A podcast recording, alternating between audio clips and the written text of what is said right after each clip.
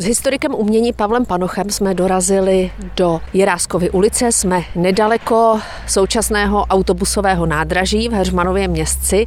A já mám takový pocit, že jsem se ocitla v nějakém prvorepublikovém filmu, protože ta vila, na kterou se díváme, Levitova vila, je skutečně monumentální. Tak rozhodně, my jsme eh, v jednotlivých dílech toho seriálu eh, jsme často seznamovali posluchače s domy, které jsme nazývali vily, ale šlo spíš o rodinné domy nebo takové jakoby rodinné příbytky a najednou stojíme před opravdovým jako kolosem, jak hmotou, tak propracovaností jako kompozice, tak rozměry třeba oken a jejich výplní. E, opravdu Levitova vila v Heřmanově městci patří k prvotřídním ukázkám privátní architektury eh, v období mezi eh, světovými válkami a je srovnatelná s eh, architekturou vil, které navrhoval třeba v Praze na Babě nebo na Barandově architekt Ladislav Žák nebo v Moravském a Sleském regionu bratři Lubomíra Čestmíre Šlapetové. Ta vila má geometrické křivky v období funkcionalismu? Rozhodně a patří k takové zajímavé etapě v tvorbě eh, svého autora, kterým byl eh, brněnský architekt Bohuslav Fuchs, jakýsi kníže bílého funkcionalismu. Jeho asi nejproslovější stavba eh, mimo těch brněnských realizací, mezi které patří třeba hotel Avion, tak eh, bylo termálné koupalisko eh, v Trnčanských teplicích, termálné koupalisko Žába. A e, tam Bohuslav Fuchs pracoval s podobnými principy, takové jako konkávní vlastně prohnutí toho domu, šikmé pultové střechy, ten dům má tady navíc zajímavou kompozici, co se týče jako balkónů a střídání textury té fasády. Ta hladká omítková plocha sedí na takovém robustním kameném na soklu, který připomíná prvek, kterému se říká vernakulární, takový krajově typický z oblastí eh, třeba podhůří Orlických hor nebo podhůří eh, Krkonoš.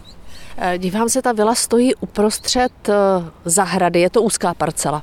Je to úzká parcela, ale je velmi hluboká. Tu vilu si pro sebe nechal postavit Arnošt Levit, továrník eh, nebo majitel malé továrničky, eh, ale s takovou zajímavou produkcí, se zajímavým sortimentem eh, luxusní dámské galanterie, ať to byly boty, kabelky a jak to bylo v období první poloviny 20. století typické, tak to rodinné sídlo stálo prakticky jako na dohled, na dohled té továrny a tím propojením byla podlouhlá eh, parcela, eh, parkově upravená. Eh, architekt Fuchs zapracoval do té vily vlastně všechny komponenty, které si spojujeme s funkcionalistickou architekturou, takže pásová okna, trubková zábradlí, střídání různých úrovní výšky podlah v jednom prostoru. To je nejvíce patrné v té přijímací eh, společenské hale nebo v tom společenském salonu, kde ten podlouhlý prostor je pocitově, spíš emocionálně je, je dělen takovým výrazným jedním schůdkem nebo, nebo vstupem. Jsou tam i prvky, kterým říkáme takzvané nautické a které e, byly typické pro ten proud té, té dynamické funkcionalistické architektury, že kruhová okna, právě ty ocelové prvky, které jakoby do toho repertoáru nebo rejstříku eh, středoevropských architektů byly přebrány z těch exotických zámořských eh, zaoceánských lodí. My už se za chvíli podíváme dovnitř do vily a taky se dozvíme něco víc o továrníku eh, Levitovi, který si tuto vilu nechal postavit a míme dokonce i bazén. Ten bazén je zajímavým prvkem té zahrady. Ono je to takové geometricky strukturované vlastně eh, jezírko, nádrž, která byla záměrně eh, umístěna eh, poměrně blízko toho domu, přestože ta velká protálá parcela by nabádala k tomu, aby tvořila třeba jakýsi její jako optický střed. A zase to mělo ale jako praktický účel, protože ta zimní terasa, která je v prvním podlaží toho domu směrem k té zahradě, tak měla otevíratelné posuvné dveře a v létě se odpařovala ta voda z toho bazénu a vlastně přinášela takový jako čerstvý vlahý vzduch těm, kteří využívali eh, tu slunou terasu. Pravdou je, že tuhle vilu si rodina Levitových eh, pohromadě eh, moc neužila, protože přišly válečné události. Rozhodně rodinu provázel tragický osud. Eh, Heřmanoměstecký eh, příbytek si eh, neužila příliš v těch letech po jeho dokončení. Ta vila byla dostavena v roce 1938, ten projekt je z roku 1936. Jak to příjmení napovídá, tak Ernst nebo Arno Štlevit byl židovské národnosti, takže ho postihly ty rasové zákony a jeho osud byl tragický. On byl v roce 42 eh, deportován do Mauthausenu, kde také, kde také zahynul.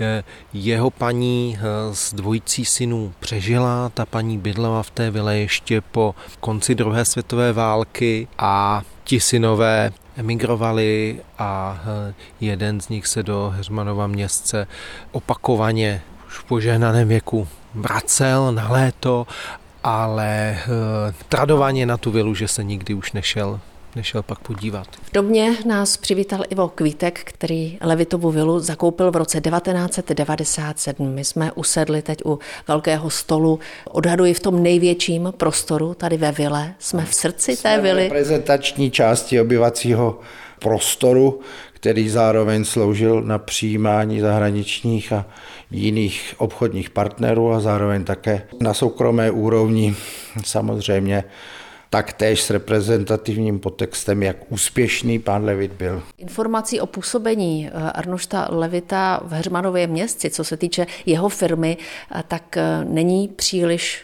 mnoho. Čím se vlastně konkrétně zabýval? Levitová rodina založila firmu, která využila svých zřejmě dobrých obchodních známostí a našla mezeru na trhu ve výrobě eh, luxusních a pravděpodobně i velmi luxusních doplňků dámské módy, jako jsou rukavice, kabelky a boty.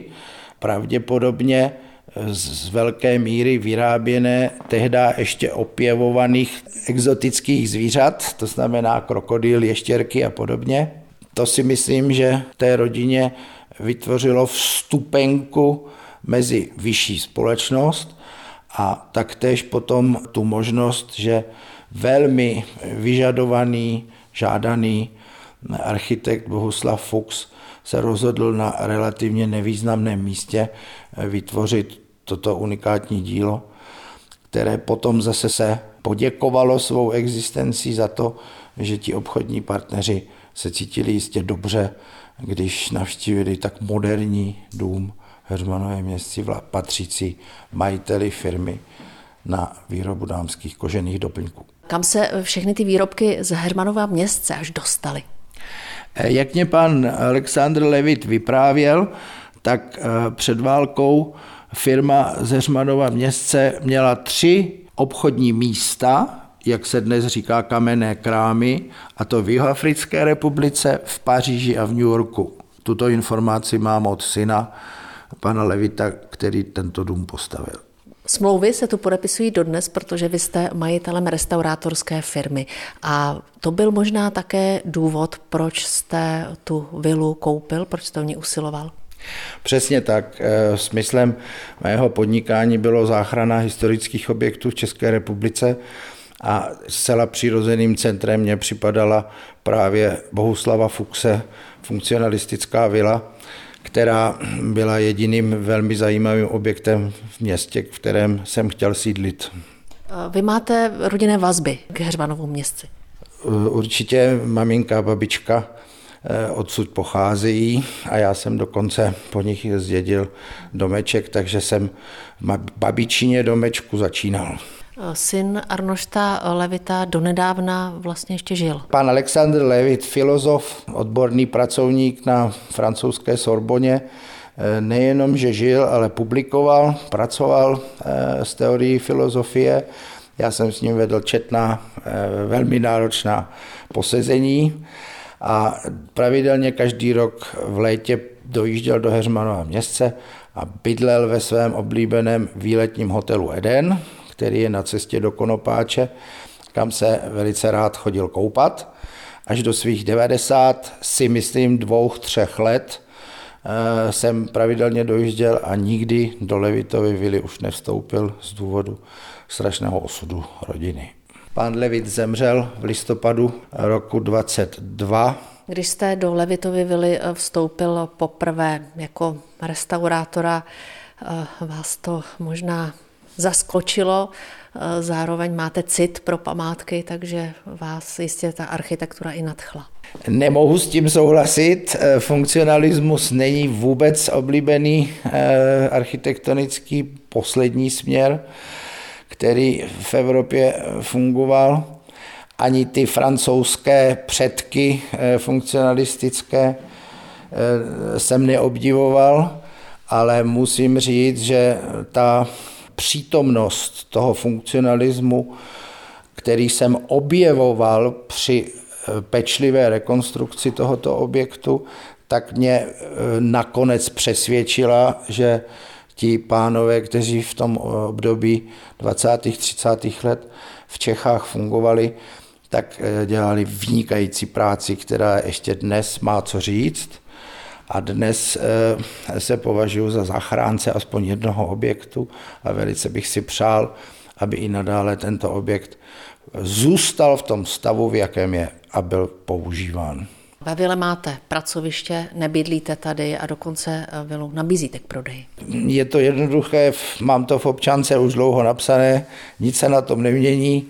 Eh, věk a vyčerpání mezinárodní práce opravdu mnoho let v zahraničí, a to nejen v příjemném zahraničí, ale i v nepříjemném, mě udolal a nemám více sil dál pokračovat ve své práci.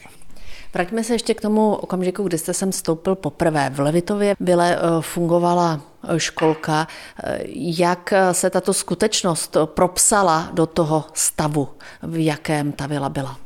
Naštěstí jako malá chudá obec, respektive maloměsto, nebylo tolik peněz k dispozici, což zničilo mnoho památek v Čechách. Známe naše náměstí, v historických městech ozdobená obchodními domy, pocházející ze socialismu. Na tomto domě byly eh, pouze povrchové záležitosti, zazděné určité prostory, eh, naopak vybourané prostory, přelepené kachličky. Byly to všechno eh, povrchní věci, které se daly odstranit. A ne jedenkrát se objevil původní materiál, což je v tomto případě převážně mahagon, takže těch prvků k záchraně tady bylo dost, dokonce si myslím, že výjimečně hodně ve srovnání s jinými objekty. Architekt Fuchs eh, navrhl pro tuto vilu vlastně celé to vnitřní vybavení, vestavěné skříně, posuvné dveře, nábytek eh, a tak dále. Z jakého procenta jste musel ty věci doplňovat? 70% Naštěstí se třeba našel vždycky jeden vzorek kliky, takže podle nich se vyrobili další. Co se týče ventilů na radiátorech, jenom taková poznámka, každý radiátor v domě je jiný, má jinou velikost, je přesně navržen do svého místa. Ty akumulační desky nad radiátory jsou taky z masivního kamene, z velice hutného kamene, který zajišťoval akumulaci tepla. Našlo se tolik stop, že se dali vytvořit do původního stavu podle dobových fotografií. Co vás třeba tady mile překvapilo? Mám tím na mysli funkčnost eh, nějakých eh, věcí. To jsou takové maličkosti, eh, například větrací okna, která se daly ovládat takovým prodlouženou klikou. To je jedna z zajímavých praktických věcí. Myslím si, že není k zapomenutí, že například v každé ložnici mladých levitů bylo umyvadlo, zároveň měli oddělený záchod. Ta sociální úroveň té kvality toho bydlení v tom domě byla prakticky na dnešní úrovni. Tam stála Bugatti. Ano. Tady je to nejzajímavější eh, obslužné schodiště. To vede z té garáže až na střechu na sluneční opalovací terasu. A personál bydlel v přízemí, nebo tady byly pokoje? Personál bydlel v přízemí a v podkroji. A komunisti tady nechali eh, paní Levitovou až do věku 80 nebo 85 let nahoře bydlet v tom pokojíku bez stopení a bez vody a bez záchodu, takže ona každý den musela tohleto schodiště zdolat. Učila v Heřmanovém městě francouzštinu. Kolik má ten dům vlastně pater? Čtyři podlaží. Tady na té terase měl pán Levit kruhy, Sokol. Eh, tady jsou ve stropě dvě díry, kde vysely kruhy a on tady ráno cvičil.